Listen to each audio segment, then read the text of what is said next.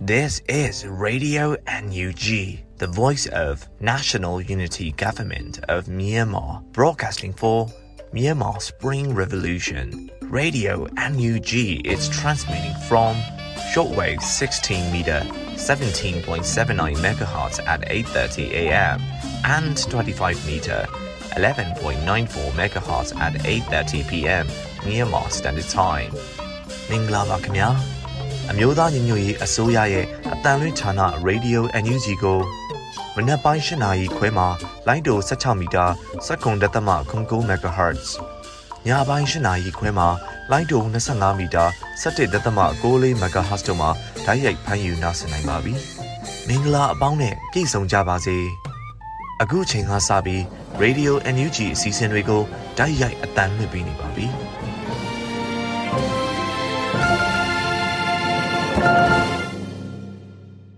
မြန်မာနိုင်ငံသူနိုင်ငံသားအပေါင်းတဘာဝဘေးစစ်အာဏာရှင်ဘေးတို့ကနေကင်းဝေးပြီးကိုစိတ်နှပါအေးချမ်းလုံခြုံကြပါစေလို့ Radio NUG ဖွဲ့သူဖွဲ့သားများကနှုတ်ခွန်းဆက်တာအပ်ပါတယ်ရှင်။ခုချိန်ကစပြီးကာကွယ်ဝင်ကြီးဌာနရဲ့စီရေးတရင်အကျဉ်းချုပ်ကိုຫນွေဦးမိုးကဖတ်ကြားတင်ဆက်ပေးမှာပဲဖြစ်ပါတယ်ရှင်။စစ်ကောင်စီနဲ့တိုက်ပွဲဖြစ်ပွားမှု စကိုင်းတိုင်းဇန်နဝါရီ19ရက်နေ့ မနက်တနာရီ15မိနစ်ခန့်ကရွှေပိုမြို့နယ်အနောက်ဘက်10မိုင်ခန့်အကွာတန်းတော်ရွာဘက်သို့ခြေလျင်စစ်ကြောင်းထိုးလာသည့်စစ်ကောင်စီတပ်အင်အား150ခန့်ကို PDF CNT ရွှေပိုနှင့် Snake Eyes PDF ရွှေပိုအဖွဲ့တို့မှမိုင်းဆွဲတိုက်ခိုက်ခဲ့သည်ဇန်နဝါရီ19ရက်နေ့မနက်9နာရီခန့်ကထီးချိုက်မြို့နယ်ပေကုန်းရွာနှင့်အင်တောင်းရွာကြားတွင်စစ်ကောင်စီအင်အား 54ခန့်နဲ့ပြည်သူ့ကာကွယ်ရေးတပ်ပေါင်းစုတို့ထိတွေ့တိုက်ပွဲဖြစ်ပွားခဲ့ရာစစ်ကောင်စီတပ်သား10ဦးခန့်သေဆုံးပြီးထိခိုက်ဒဏ်ရာရသူ10ဦးထပ်မံရှိခဲ့သည်ဇန်နဝါရီ18ရက်နေ့ည8နာရီခန့်ကကတာမြို့နယ်အင်းကျေးရွာတွင်တက်ဆွဲထားသောစစ်ကောင်စီတပ်များကင်းလှည့်လာရာပြည်သူ့ကာကွယ်ရေးအဖွဲ့ကတာနှင့်ထိတွေ့တိုက်ပွဲဖြစ်ပွားခဲ့သည်ဇန်နဝါရီ18ရက်ညနေ9:49မိနစ်ခန့်ကထိချိုက်မြို့နယ် တီတောရွာဝန်းကျင်မှာတက်ဆွဲပြီးပြန်ထွက်သွားသောစစ်ကောင်စီစနက်ဘင်းကားနှစ်စီးကိုပြည်သူ့ကာကွယ်ရေးတပ်ပေါင်းစုကမိုင်းဆွဲတိုက်ခိုက်ခဲ့သည်ဇန်နဝါရီ18ရက်နေ့နေ့လယ်3နာရီခန့်ကဒဇယ်မြို့နယ်ပဒီးရွာအနီးသဲဆာရွာထိပ်ဆယ်ပောင်အနီးတွင်စစ်ကောင်စီတပ်များကိုပြည်သူ့ကာကွယ်ရေးတပ်မတော်ကမိုင်းဆွဲတိုက်ခိုက်ခဲ့ရာစစ်ကောင်စီတပ်နှင့်ပြူစောတိ9ဦးသေဆုံးပြီးပြည်သူ့ကာကွယ်ရေးတပ်သား2ဦးကြဆုံးခဲ့သည်တနင်္သာရီတိုင်း ဇန်နဝါရီ19ရက်နေ့မနက်ပိုင်းကဒဝယ်မြို့နယ်မောင်မဲရှောင်းရွာလန်းခွဲခေါင်တိုင်ပြင်ရွာနဲ့မြဲမတ်တက်ရွာဘက်သို့စစ်ကြောင်း၃ကြောင်းဖြင့်စစ်ကောင်စီအင်အား90ခန့်ဝင်ရောက်ခဲ့ပြီးပြစ်ခတ်မှုများစတင်ပြုလုပ်ခဲ့ရာစစ်ကောင်စီနှင့်ပြည်သူ့ကာကွယ်ရေးတပ်ဖွဲ့တို့တိုက်ပွဲဖြစ်ပွားခဲ့သည်စစ်ကောင်စီတပ်ကလက်နက်ကြီးများအုံပြုပစ်ခတ်သည့်အပြင်စစ်ကြောင်းထိုးရာလမ်းကြောင်းရှိဒေသခံရွာသားများကိုဖမ်းဆီးပြီး PDF စခန်းများအား တောနှင်းရှာဖွေနေကြောင်းသိရသည်စစ်ကောင်စီကျိုးလွန်သောရာဇဝတ်မှုများချင်းပြည်နယ်ဇန်နဝါရီ19ရက်နေ့ကဖလန်းမြို့ကျင်းမွာရက်ကွက်ရှိပြည်နယ်လွှတ်တော်အမတ်ပူရယ်နှင်းအိမ်ကိုစစ်ကောင်စီတပ်မှလာရောက်ချိတ်ပိတ်သွားကြောင်းသိရသည်စကိုင်းတိုင်းဇန်နဝါရီ19ရက်နေ့မနက်၄နာရီခန့်ကကတာမြို့နယ်အင်းကျေးရွာတွင်တက်ဆွဲထားသောစစ်ကောင်စီတပ်သားများကအင်းကျေးရွာနေပြည်သူတအုပ်၏ နေအိမ်ပရိဘောခပစ္စည်းများအားဖျက်ဆီးပြီးနေအိမ်ကိုလည်းမီးရှို့သွားခဲ့သည်ဇန်နဝါရီ19ရက်နေ့မနက်7:30မိနစ်ခန့်ကခင်ဦးမြို့မှာစိုက်ကယ်6စီးကားသေးတစ်စီး light truck တစ်စီးဖြင့်ထွက်ခွာလာသောစစ်ကောင်စီအင်အား25ဦးခန့်ကလက်ပံလှကျေးရွာသို့ဝင်ရောက်ပြီးပြည်သူ2ဦးကိုဖမ်းဆီးသွားခဲ့သည်ပြည်သူများကြောက်လန့်ထွက်ပြေးစဉ်စစ်ကောင်စီတပ်များကပစ်ခတ်သဖြင့်ကိုဦးလက်ပံလာခြေထောက်ကြီးထိမှန်ခဲ့ပြီး ထွက်ပြေးနိုင်ခြင်းမရှိသောကိုဦးကိုစစ်ကောင်စီများကနှင်းပန်းနှိပ်စက်ပြီးနေ့လယ်တနာရီ30မိနစ်ခန့်တွင်ပြတ်တက်ခဲ့သည်ဇန်နဝါရီ19ရက်နေ့ကပင်လယ်ဘူးမြို့ရှိစားတောက်ဆိုင်ကိုစစ်ကောင်စီတပ်နှင့်ရဲများကတကားများဖြတ်၍မှွေနှောက်ဖျက်ဆီးပြီးအရက်ဘီယာ၁၀သိန်းကျော်ပိုးကိုအတ္တမယူဆောင်သွားခဲ့သည်ထို့အပြင်စစ်ကောင်စီတပ်သားများကဈေးရတော်ဆိုင်ကန်းကိုလည်းဖျက်ဆီးကာစားတောက်ဆရာများ၅သိန်းပိုးခန့်ယူဆောင်သွားခဲ့သည်မကွေးတိုင်း ဇန်နဝါရီ18ရက်နေ့ကငဖဲမြို့ရဲစခန်းတွင်တာဝန်ထမ်းဆောင်မှုသည့်ကိုအောင်ရဲဝန်ထမ်းဟောင်း၏စေတုတ်တရာမျိုးရှိနေအိမ်ကိုရဲတပ်သားများကချိတ်ပိတ်သွားခဲ့သည်မန္တလေးတိုင်းဇန်နဝါရီ18ရက်နေ့မနက်7:00နာရီခန့်ကနထိုးကြီးမြို့နယ်ဇီးကန်အုပ်စုလက်ပံရွာပြင်စီကနားရွာအနီးရွာမှရွာသူရွာသား73ဦးကိုစစ်ကောင်စီများကနေအိမ်များတွင်ဝင်ရောက်ဖမ်းဆီးခဲ့ရာဖမ်းဆီးပြီး24နာရီကျော်အကြာတွင် ဦးမြမိုးဦးဖိုးထော်ဦးကျော်မျိုးဝင်းဦးမျိုးမင်းထက်တို့၄ဦးသေဆုံးခဲ့သည်ဇန်နဝါရီ18ရက်နေ့မနက်2နာရီခန့်ကတတဦးမြို့နယ်ရေလေကျေးရွာတွင်နေထိုင်သော လူလက်ပိုင်းအရွယ်အမျိုးသား9ဦးအမျိုးသမီး10ဦးစုစုပေါင်း73ဦးကိုစစ်ကောင်စီများကဖမ်းဆီးသွားခဲ့ပြီးဇန်နဝါရီ19ရက်နေ့တွင် အမျိုးသား9ဦးသေဆုံးသွားကကျန်အမျိုးသမီး10ဦးကိုလည်းစစ်ကောင်စီများကနှိပ်စက်ထားကြောင်းသိရသည် ဇန်နဝါရီ18ရက်နေ့ကမြင်းချံမြို့နယ်ညောင်တိုကျေးရွာတွင်တက်ဆွဲထားသောအကြမ်းဖက်စစ်ကောင်စီတပ်များကမနက်စောစောပဲပြုတ်ထပြုတ်သည့်အမျိုးသမီးကိုမိခိုးထွက်သည့်အကြောင်းပြကာတနက်နှင့်ပြစ်ခဲ့သည်တနင်္သာရီတိုင်းဇန်နဝါရီ18ရက်နေ့ညပိုင်းကဒဝယ်မြို့အခြေဆိုင်ဒဝယ် watch သတင်းဌာနမှသတင်းထောက်ကိုစောမမိုးမြင့်နှင့်ရုံးဝန်ထမ်းကိုဖြိုးပြည့်လေးသွင်းခတားကြီးတို့ကို နေအိမ်များတွင်လာရောက်ဖမ်းဆီးခဲ့ပြီးမိသည့်နေရာသို့ခေါ်ဆောင်သွားသည်ကိုစုံစမ်းနေဆဲဖြစ်ကြောင်းသိရသည်ဟုတ်ကဲ့ပါအခုတင်ဆက်ခဲ့တာကတော့နေ့စဉ်စည်ရေးသတင်းအချင်းချုပ်များပဲဖြစ်ပါတယ်ခင်ဗျာကျွန်တော်ຫນွေဦးမိုးပါ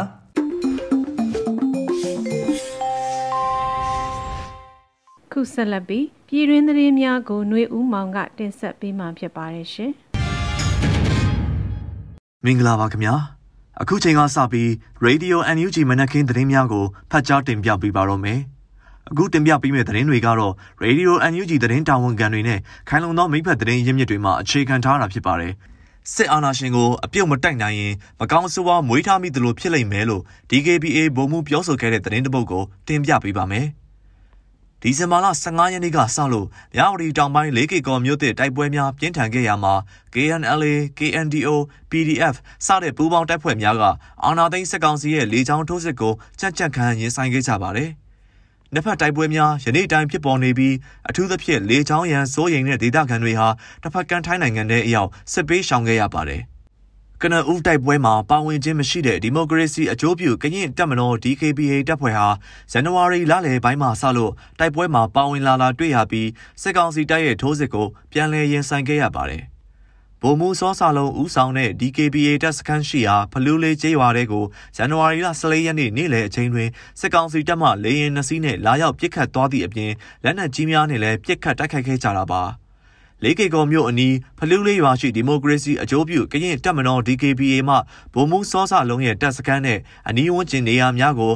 စစ်ကောင်စီတပ်မှတာလွန်အင်အားများဖြင့်မြေပြင်ဝေဟင်ထိုးစစ်ဆင်တိုက်ခိုက်မှုကြောင့်ဗိုလ်မှူးစောစလုံးနဲ့တပ်ဖွဲ့ဘက်မှစကမ်းမှထုတ်ခွာပေးခဲ့ရကြောင်းသိရပါတယ်။ထိုအခြေအနေနဲ့ပတ်သက်ပြီးဒေသခံကရင်သတင်းဌာနဖြစ်တဲ့ KIC ရဲ့မေးမြန်းမှုကိုဖြေကြားရမှာကျွန်တော်တို့တတိနဲ့အမြဲတမ်းနေနေရတယ်။ဘာလို့လဲဆိုတော့ရန်သူကတစ်ဖွဲ့တည်းမဟုတ်ဘူး။ နှစ်ဖွဲ့သုံးဖွဲ့ပေါင်းပြီးကြံနေကြတာကြောင့်တတိနဲ့အမြဲနေနေရတယ်။သူတို့အခြေအနေကသိတဲ့အတိုင်းပါပဲတက်တက်ပြီးလာတယ်အဆုံးထိလုပ်ဖို့ရှိပုံရတယ်လို့သူ့အမြင်ကိုပြောခဲ့ပါတယ်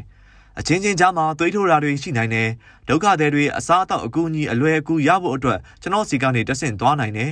ထိုင်းတွေနဲ့လည်းဆက်ဆံရေးအဆင်ပြေတာသတင်းပေးခံရတာလည်းပါမယ်ဒါကိုကြည့်မရတော့ဖြက်စီးခြင်းတဲ့သဘောပဲ ကျွန်တော်ရဲဘော်တွေတိုက်ပွဲတွေထဲမှာတယောက်မှမသေးဘူးအပြင်းထန်ထိခိုက်ဒဏ်ရာရတာ၃ယောက်နဲ့ကျန်တဲ့တချို့ကနည်းနည်းထိတာတော့ရှိတယ်အခုစေယုံထဲမှာရောက်နေတာကအားလုံး9ယောက်လောက်ရှိတာပေါ့အသက်ပေးသွားရတဲ့သူတွေအချို့မှာကတနတ်မရှိဘူးတချို့ကလူလူတွေဖြစ်တယ်အဲ့ဒီမှာ၄ရက်၄ညလောက်အပြစ်ခံရတာ၄ရက်ကြာလာတော့ကျွန်တော်တို့လည်းပြေးရတော့တာပဲလို့ဗိုလ်မှူးစောစာလုံးကစခန်းဆွန့်ခွာလိုက်ရတဲ့အခြေအနေကိုအသေးစိတ်ပြောပြပါတယ် စခန်းကျသွားတဲ့တိုက်ပွဲမှာစစ်ကောင်စီဘက်ကဒါလုံအင်အားသုံးနိုင်တာကြောင့်ခံပြစ်ဖို့မဖြစ်နိုင်ပဲစုပ်ပေးခဲ့ရတဲ့အကြောင်းကိုလည်းအခုလိုထပ်လောင်းပြောပြပါတယ်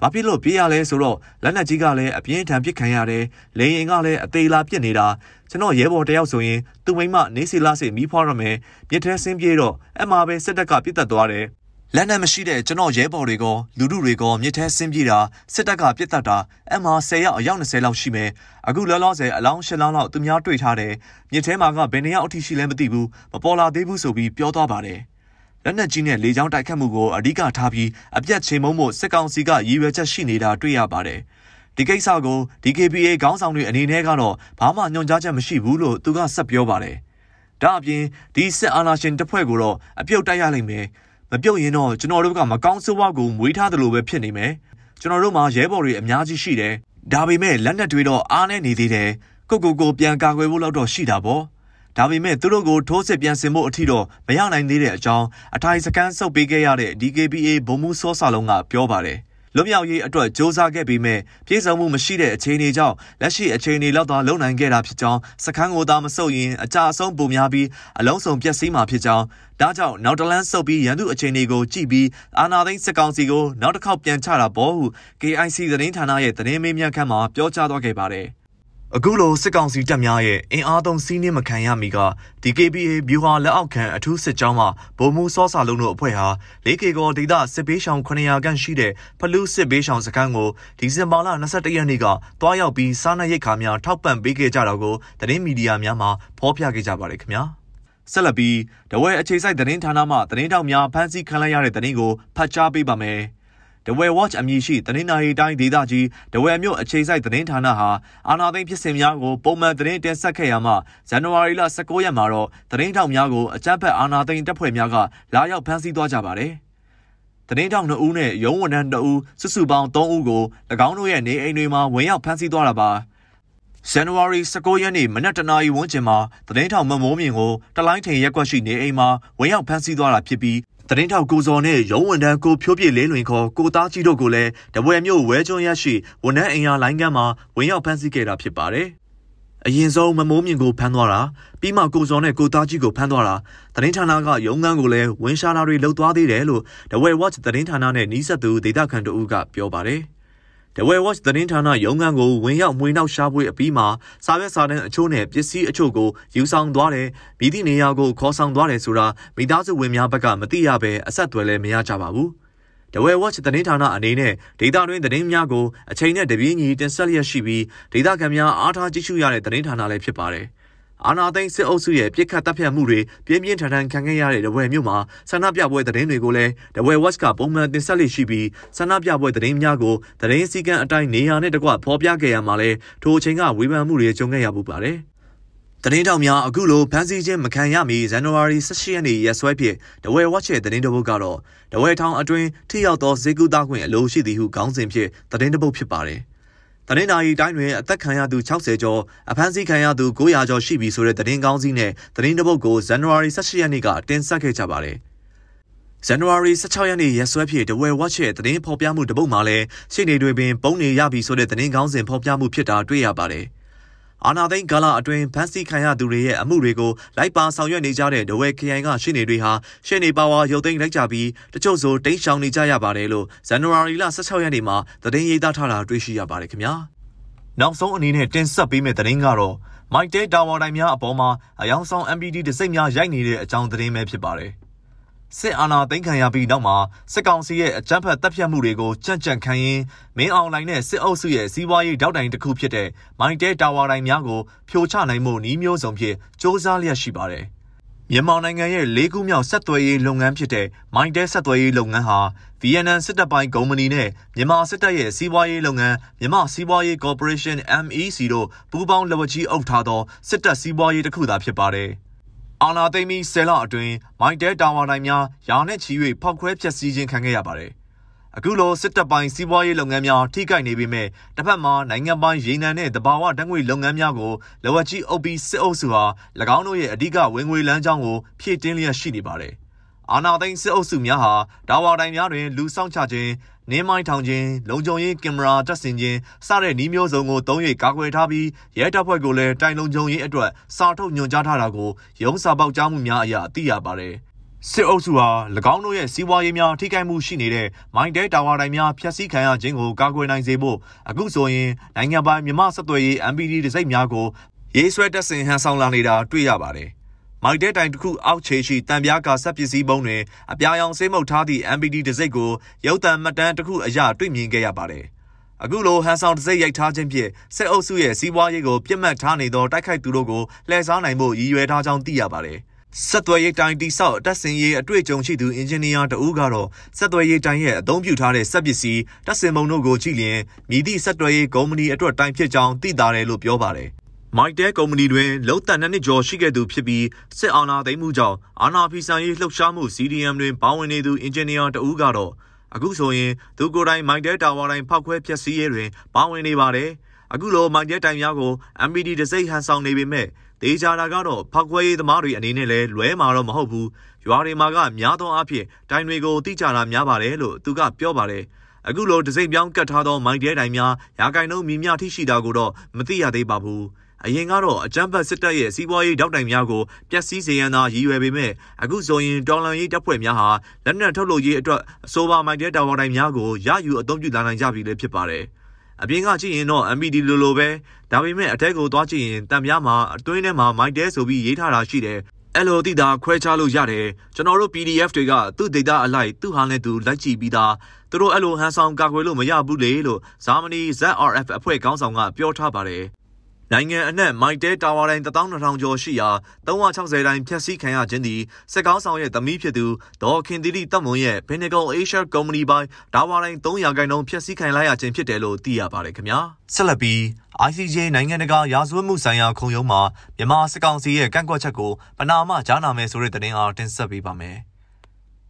ဟိတ်မြို့မှာရှိတဲ့ ICJ တရားရုံးမှာမြန်မာစစ်ကောင်စီရင်ဆိုင်နေရတဲ့လူမျိုးတုံးတပ်ဖြတ်နေကြောင်းဆွဆွဲခံရတဲ့အမှုကြားနာမှုတွေစတင်မယ်လို့ဇန်နဝါရီ19ရက်နေ့ကထုတ်ပြန်ပါတယ်။ဂမ်ဘီယာနိုင်ငံကတရားလိုပြုပြီးမြန်မာစစ်တပ်ကရိုဟင်ဂျာလူမျိုးတွေမျိုးတုံးတပ်ဖြတ်နေမှုတရားရင်ဆိုင်နေရတာကိုဆက်လက်စစ်ဆေးနေတာဖြစ်ပါတယ်။2022ခုနှစ်ဖေဖော်ဝါရီ21ကနေ28ရက်အတွင်းပြန်လည်စတင်မယ်လို့ဆိုပါတယ်။မြန်မာစစ်ကောင်စီရဲ့တံပြန်ကန့်ကွက်မှုကိုပနာမအဖြစ်ကြားနာမယ်လို့သိရပါတယ်။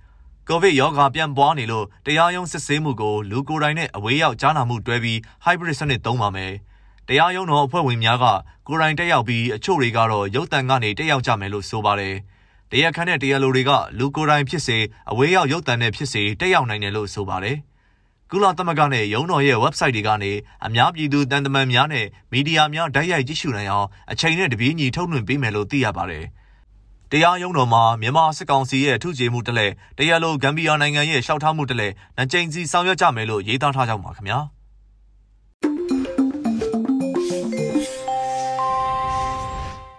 ဆက်လက်ပြီးပြည်သူခုခံတော်လှန်စစ်တရင်များကိုကျော်နွေဦးကတင်ဆက်ပေးမှာဖြစ်ပါတယ်ရှင်ပထမဆုံးအနေနဲ့လိုက်ကော်ရှိအထွေထွေအုပ်ချုပ်ရေးစုပေါင်းရုံးကို ကာကွယ်ရေးမဟာမိတ်အဖွဲ့များဝင်ပစ်စစ်သား15ဦးခန့်တေဆုံးနိုင်တယ်ဆိုတဲ့သတင်းမှာကရင်ပြည်နယ်လွိုက်ကော်မြို့ဒေါအုခုရက်ွက်ရှိအထွေထွေအုပ်ချုပ်ရေးစုပေါင်းခရိုင်ရုံးမှာတက်ဆွဲထားတဲ့စစ်ကောင်စီတပ်ဖွဲ့ကို KDF GZ21 လွိုက်ကော် GPDF ပူးပေါင်းတပ်ဖွဲ့တို့ကဇန်နဝါရီလ19ရက်နနက်12နာရီ3မိနစ်မှာဝင်ရောက်ပစ်ခတ်တိုက်ခိုက်ခဲ့ပြီးစစ်သား15ဦးခန့်တေဆုံးနိုင်ကြောင်း Kirini Democratic Front ထံမှသိရှိရပါတယ်။အဆိုပါနှစ်ဖက်အပြန်အလှန်ပစ်ခတ်မှုဟာပြင်းထန်ပြီး တနအီကျော်ကြာကြာမြင့်ခဲ့ကြောင်းသိရှိရပါတယ်။ဇန်နဝါရီလ14ရက်ညသကောင်အချိန်မှာလည်းဒေါ်အုပ်ခုရက်ကွက်အကျဉ်းထောင်နီးရှိခရိုင်ရဲရုံးကိုမဟာမိတ်တပ်ဖွဲ့ကဝင်ရောက်တိုက်ခိုက်ခဲ့ပြီးစစ်သား6ဦးသေဆုံးခဲ့ပါသေးတယ်။ဆက်လက်တင်ဆက်ပေးမှာကတော့ချင်းပြည်နယ်ဇိုတုံနယ်မှာဆယ်ရက်အတွင်းတိုက်ပွဲများမှာစစ်ကောင်စီတပ်မှ18ဦးသေဆုံး CDF ဇိုတုံမှ2ဦးကြဆုံး2ဦးဒဏ်ရာရတဲ့တဲ့တင်မှာချင်းပြည်နယ်မတူပီမြို့မှထွက်ခွာလာတဲ့အင်အား100ခန်းရှိအကြမ်းဖက်စစ်ကောင်စီတပ်နဲ့ကာကွယ်မဟာမိတ်တပ်ဖွဲ့များကြား ဇန်နဝါရီလ9ရက်နေ့မှ18ရက်နေ့ထိတိုက်ပွဲ17ကြိမ်ဖြစ်ပွားပြီးစစ်ကောင်စီတပ်သား18ဦးသေဆုံးက CDF ဇိုတုံမှတဦးကြဆုံးပြီး2ဦးဒဏ်ရာရသွားကြောင်းသိရှိရပါတယ်။ဇိုတုံနယ်အတွင်းသို့ကျူးကျော်ဝင်ရောက်လာတဲ့စစ်ကောင်စီတပ်ဖွဲ့များဟာအများပြည်သူနေအိမ်များနဲ့ဆိုင်ကယ်များကိုဖျက်ဆီးကြောင်းရင်းစစ်ကောင်စီတပ်နဲ့ CDF ဇိုတုံ CNA CNA YDF PDF ယော CDF ဟာခါ CDF ဇိုဖီ CDF မတူပီ CDF လောတူ CDF စံတန်ပူးပေါင်းတပ်ဖွဲ့များကြားတိုက်ပွဲများဖြစ်ပွားခြင်းဖြစ်ကြောင်း CDF ဇိုတုံကသတင်းထုတ်ပြန်ပါတယ်။ဇိုတုံနယ်ဟာမတူပီနဲ့ဟာခါကြားမှာတည်ရှိပြီးအရှိတ်ဘက်မှာဂန်ကောထီလင်းမြို့များတည်ရှိပါတယ်။ဇိုတုံနယ်အတွင်းတိုက်ပွဲများကြောင့်စစ်ဆောင်ပြည်သူ3000ကျော်ရှိနေကြောင်းနယ်ဆက်သို့စစ်ဆောင်400ခန့်ရောက်ရှိနေကြောင်းနဲ့ပြည်သူများအနေဖြင့်မဖြစ်မနေဖြတ်တန်းသွားလာပါကကြိုတင်အသိပေးကြရန် CDF ဇိုတုံကမြစ်တာရက်ခံထားပါတယ်။ KNU ထိန်းချုပ်တပ်မဟာ9ခုမှာ 15ရက်တွင်တိုက်ပွဲ182ကြိမ်ဖြစ်ပွားပြီးစစ်ကောင်စီတပ်ဖွဲ့ဝင်159ဦးသေဆုံးပြီး KNL ဘက်မှ73ဦးကြာဆုံးတဲ့သတင်းကိုဆက်လက်တင်ဆက်ပါမယ်ကရင်မျိုးသားအစည်းအရုံး KNU ကောတူလီအုပ်ချုပ်နေမြေမှာနေမြေကျူးကျော်လာတဲ့အကြမ်းဖက်စစ်ကောင်စီတပ်နဲ့ KNL KNDO တပ်ဖွဲ့များကြား2022ခုနှစ်ဇန်နဝါရီလ1ရက်နေ့မှ15ရက်နေ့အတွင်းတိုက်ပွဲ182ကြိမ်ဖြစ်ပွားခဲ့ပြီးစစ်သား159ဦးသေဆုံးက102ဦးဒဏ်ရာရကြောင်း KNL ဘက်မှ73ဦးကြာဆုံးက18ဦးဒဏ်ရာရရှိကြောင်း KNU ကသတင်းထုတ်ပြန်ပါတယ်။ KNU တပ်မဟာ1ဒုတထူတထုံခရိုင်တပ်မဟာ3ညောင်လေးပင်ခရိုင်တပ်မဟာ4ဘိတ်တဝဲခရိုင်တပ်မဟာ9မူထရောဖပွန်ခရိုင်တပ်မဟာ6ဒုပလာယာခရိုင်များတွင်စစ်ကောင်စီကအများပြည်သူလုပ်ငန်းခွင်များနဲ့ကြေးရွာများအတွင်းသို့လက်နက်ကြီးများဖြင့်အကြိမ်ရေ200ကျော်ခန့်ပစ်ခတ်ခဲ့ကြောင်းသိရှိရပါတယ်။တပ်မဟာ9မူဒရော့ခရိုင်ဒွယ်လုံးမြို့နယ်နဲ့ဒုပလာယာခရိုင်ကော့ဂရိတ်မြို့နယ်တို့မှာ စစ်ကောင်စီကလေကြောင်းတိုက်ခတ်မှု9ကြိမ်ပြုလုပ်ခဲ့ပြီးအပြစ်မဲ့ပြည်သူ9ဦးသေဆုံးက19ဦးဒဏ်ရာရရှိခဲ့ကြောင်းတပ်မဟာ1 3 4 5 6များတွင်စစ်ရှောင်ပြည်သူပေါင်း9000ကျော်ရှိနေကြောင်းကရင်အမျိုးသားအစည်းအရုံးကသတင်းထုတ်ပြန်ပါတယ်။မြေပြင်မှာတော့ယခုတွေ့ရတဲ့သတင်းအချက်အလက်များထက်ပို၍ဖြစ်ပွားနိုင်ပါတယ်ခင်ဗျာ။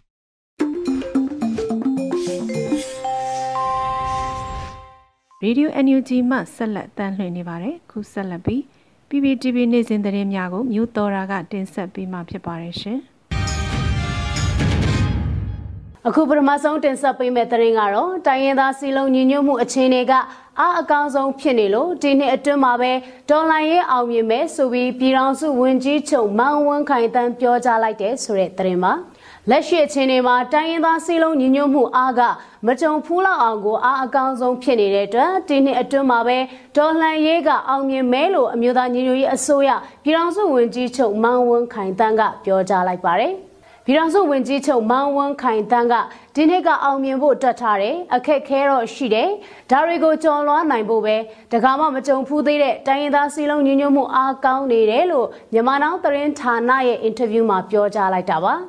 အမျိုးသားညီညွတ်ရေးအစိုးရအနေနဲ့လည်းတိုင်းရင်းသားအဖွဲ့အစည်းတွေနဲ့ဆွေးနွေးညှိနှိုင်းသဘောတူညီမှုတွေလှုပ်ဆောင်ထားနိုင်ခဲ့တယ်လို့လည်းပြောပါတယ်။အဲ့ဒီလိုဆွေးနွေးအပြေရှာနိုင်ခဲ့တာကြောင့်လည်းလက်ရှိအခင်းအကျင်းမှာတိုင်းရင်းသားအဖွဲ့အစည်းတွေနဲ့စီးလုံးမှုအားကောင်းသွားခဲ့တာလို့လည်းဆိုထားပါတယ်။ ဒါအပြင်တော်လိုင်းရေးမှာမြေပြင်မှာအကုံအသာအစီးရထားတယ်ဆိုတာနဲ့လေကြောင်းတိုက်ခိုက်မှုအပိုင်းကိုသာဘယ်လိုလုပ်မလဲဆိုပြီးစဉ်းစားရမှာ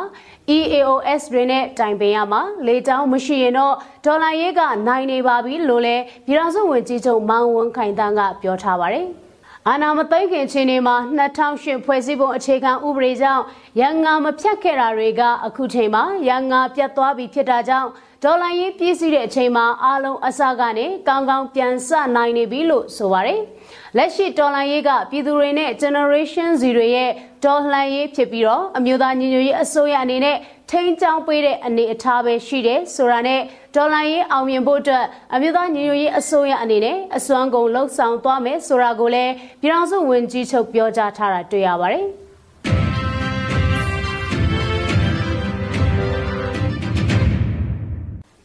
အမျိုးသားညီညွတ်ရေးအစိုးရစီးပွားရေးနဲ့ကုသရေးဝယ်ရေးဝန်ကြီးဌာနကနေပြီးတော့ဦးစီးလှုပ်ဆောင်တဲ့အနာဂတ်တိုင်းပြည်တည်ဆောက်ရေးဆိုင်ရာစီးပွားရေးမူဝါဒမူချမ်းအလုပ်ရုံဆွေးနွေးပွဲကိုဇန်နဝါရီ18ရက်ကပြုလုပ်ခဲ့ပါတယ်။ အဲ့ဒီအလုပ်ရုံဆွေးနွေးပွဲမှာအနာဂတ်တိုင်းပြည်တည်ဆောက်ရေးဆိုင်ရာစီးပွားရေးမူဝါဒမူတန်းကိုရေးသားပြုစုပြီးအလုံးပါဝင်တဲ့စီးပွားရေးမူဝါဒမူတန်း intellectual property မူဝါဒမူတန်းနယ်စပ်ကုန်သွယ်ရေးမူဝါဒမူတန်းရှင်ပြိုင်မှုမူဝါဒမူတန်းတွေနဲ့ဆက်လင်းပြီးလှုပ်ဆောင်ခဲ့တာလို့ဆိုပါတယ်ဒါအပြင်စားသုံးသူကာကွယ်စောင့်ရှောက်ရေးမူဝါဒမူတန်းဆိုင်ရာအကြံပြုအလုပ်ရုံဆွေးနွေးပွဲကိုလည်း ဇန်နဝါရီ18ရက်မှာပဲပြုလုပ်ခဲ့ပြီးတော့စားသုံးသူမူဝါဒဆိုင်ရာသဘောတရားတွေအသုံးပြုနိုင်မှုနဲ့ပဲရည်ရွယ်ချက်မူဝါဒပြရန်ချက်ကင်းလွတ်ခွန့်အကောင့်ထဲပေါ်ဆောင်ရွက်မှုပုံစံတွေနဲ့ဆက်လင်းပြီးတက်ရောက်လာသူတွေကအကြံပြုဆွေးနွေးခဲ့ကြပါတယ်အခုတင်ဆက်ပေးမှာကတော့ COVID-19 မျိုးရိုးဗီဇသစ် Omicron နဲ့ပတ်သက်ပြီးကျန်းမာရေးဝန်ကြီးဌာနကနေပြည်သူလူထုကိုအသိပေးနှိုးဆော်ချက်တွေထုတ်ပြန်လိုက်တဲ့ဆိုတဲ့သတင်းမှာ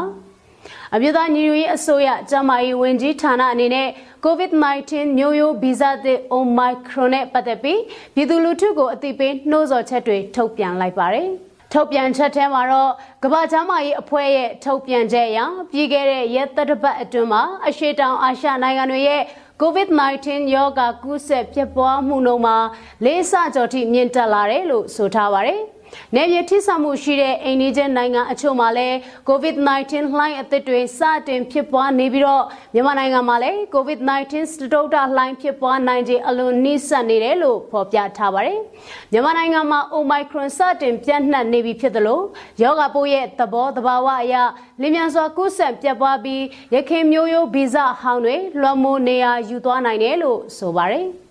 Omicron ကယောဂအခန်းရှိသူတွေအဝလွန်သူတွေနဲ့အသက်အရွယ်ကြီးရင်သူတွေကယောဂပြင်းထန်နိုင်ခြင်းနဲ့သေဆုံးနိုင်ခြင်းရှိနေစေလို့ဆိုပါတယ်။ Omicron ကရခင် COVID-19 ရောဂါကူးစက်ခံရဖူးသူတွေနဲ့ကာကွယ်ဆေးထိုးနှံပြီးသူတွေမှာလည်းထပ်မံဖြစ်ပွားနိုင်တဲ့အတွက်အထူးသတိထားဖို့လိုအပ်ပါတယ်။ပြည်သူလူထုအနေနဲ့ COVID-19 ကာကွယ်ဆေးထိုးနှံတာပြင် မဖြစ်မနေလိုက်နာကြရမယ့်ယောဂါကာကွယ်ရေးနည်းလမ်းတွေက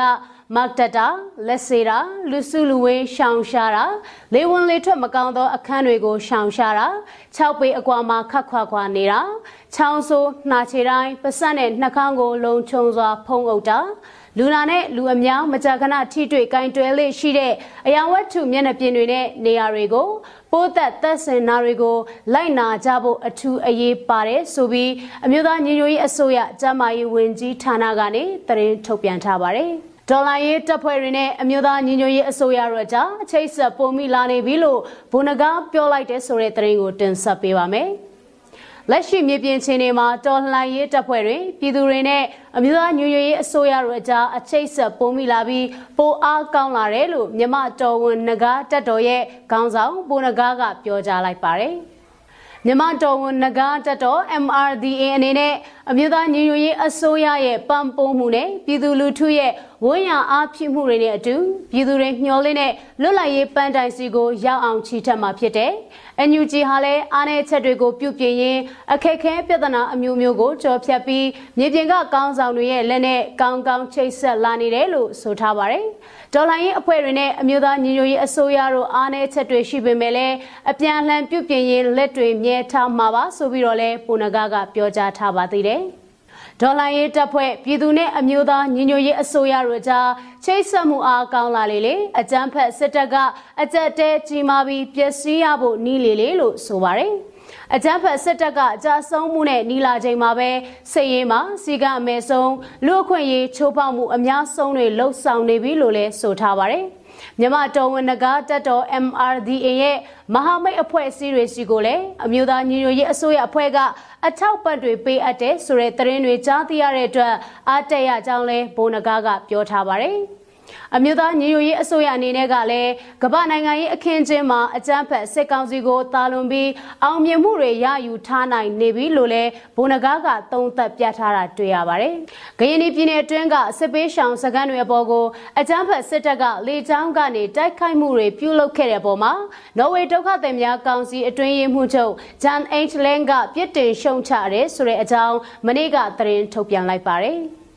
ဇန်နဝါရီ18ရက်နေ့မှာအကြမ်းဖက်စစ်တပ်ကလေကြောင်းတိုက်ခိုက်မှုတွေပြုလုပ်ခဲ့ပြီးစစ်ပေးရှောင်စခန်းအပေါ်ကိုဘုံကျဲခဲ့တာကြောင့်ကလေး2ဦးအပါအဝင်စုစုပေါင်း3ဦးသေဆုံးခဲ့ရတဲ့ပေါ်ပြစ်တင်ရှုံချလိုက်တဲ့ဆိုတာနဲ့လက်ရှိအချိန်မှာစစ်ပေးရှောင်အရေးအတွက်ကလည်းတသိန်း6000ကျော်အထိရှိနေတယ်လို့ထုတ်ပြန်ချက်မှာဖော်ပြထားတာတွေ့ရပါတယ်။ ဒါအပြင်ကရင်ပြည်နယ်တဲကနေအိမ်တွေဖုန်ကြီးကျောင်းတွေခရီးယန်ဖျားကျောင်းတွေနဲ့စာသင်ကျောင်းအဆောက်အအုံ650ကျော်ကိုလည်းအကြမ်းဖက်စစ်တပ်ကမိရှို့ဖျက်ဆီးမှုတွေပြုလုပ်ခဲ့တဲ့ဆိုပြီးထုတ်ပြန်ချက်မှာဖော်ပြထားပါသေးတယ်။ အကြမ်းဖက်စစ်ကောင်စီအနေနဲ့နိုင်ငံတကာဥပဒေတွေကိုလိုက်နာပြီးတော့အယက်သားပြည်သူတွေမထိခိုက်ဖို့အရေးလှုံ့ဆော်ရမယ်ဆိုတာနဲ့လူသားချင်းဆိုင်ရာထောက်ပံ့ကူညီမှုတွေကိုလှုံ့ဆော်ရမယ်ဆိုပြီးနော်ဝေဒုက္ခသည်များကောင်စီရဲ့ထုတ်ပြန်ချက်မှာဖော်ပြထားပါတယ်။ကျေးဇူးတင်ပါတယ်ရှင်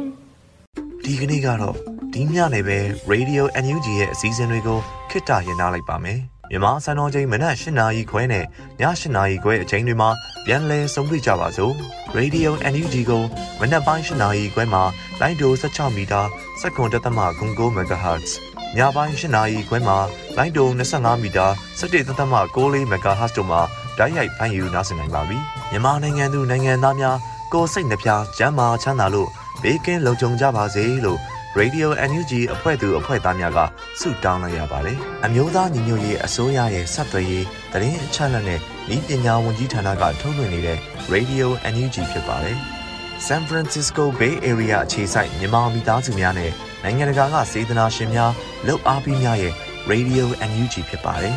။အရေးတော်ပုံအောင်ရမည်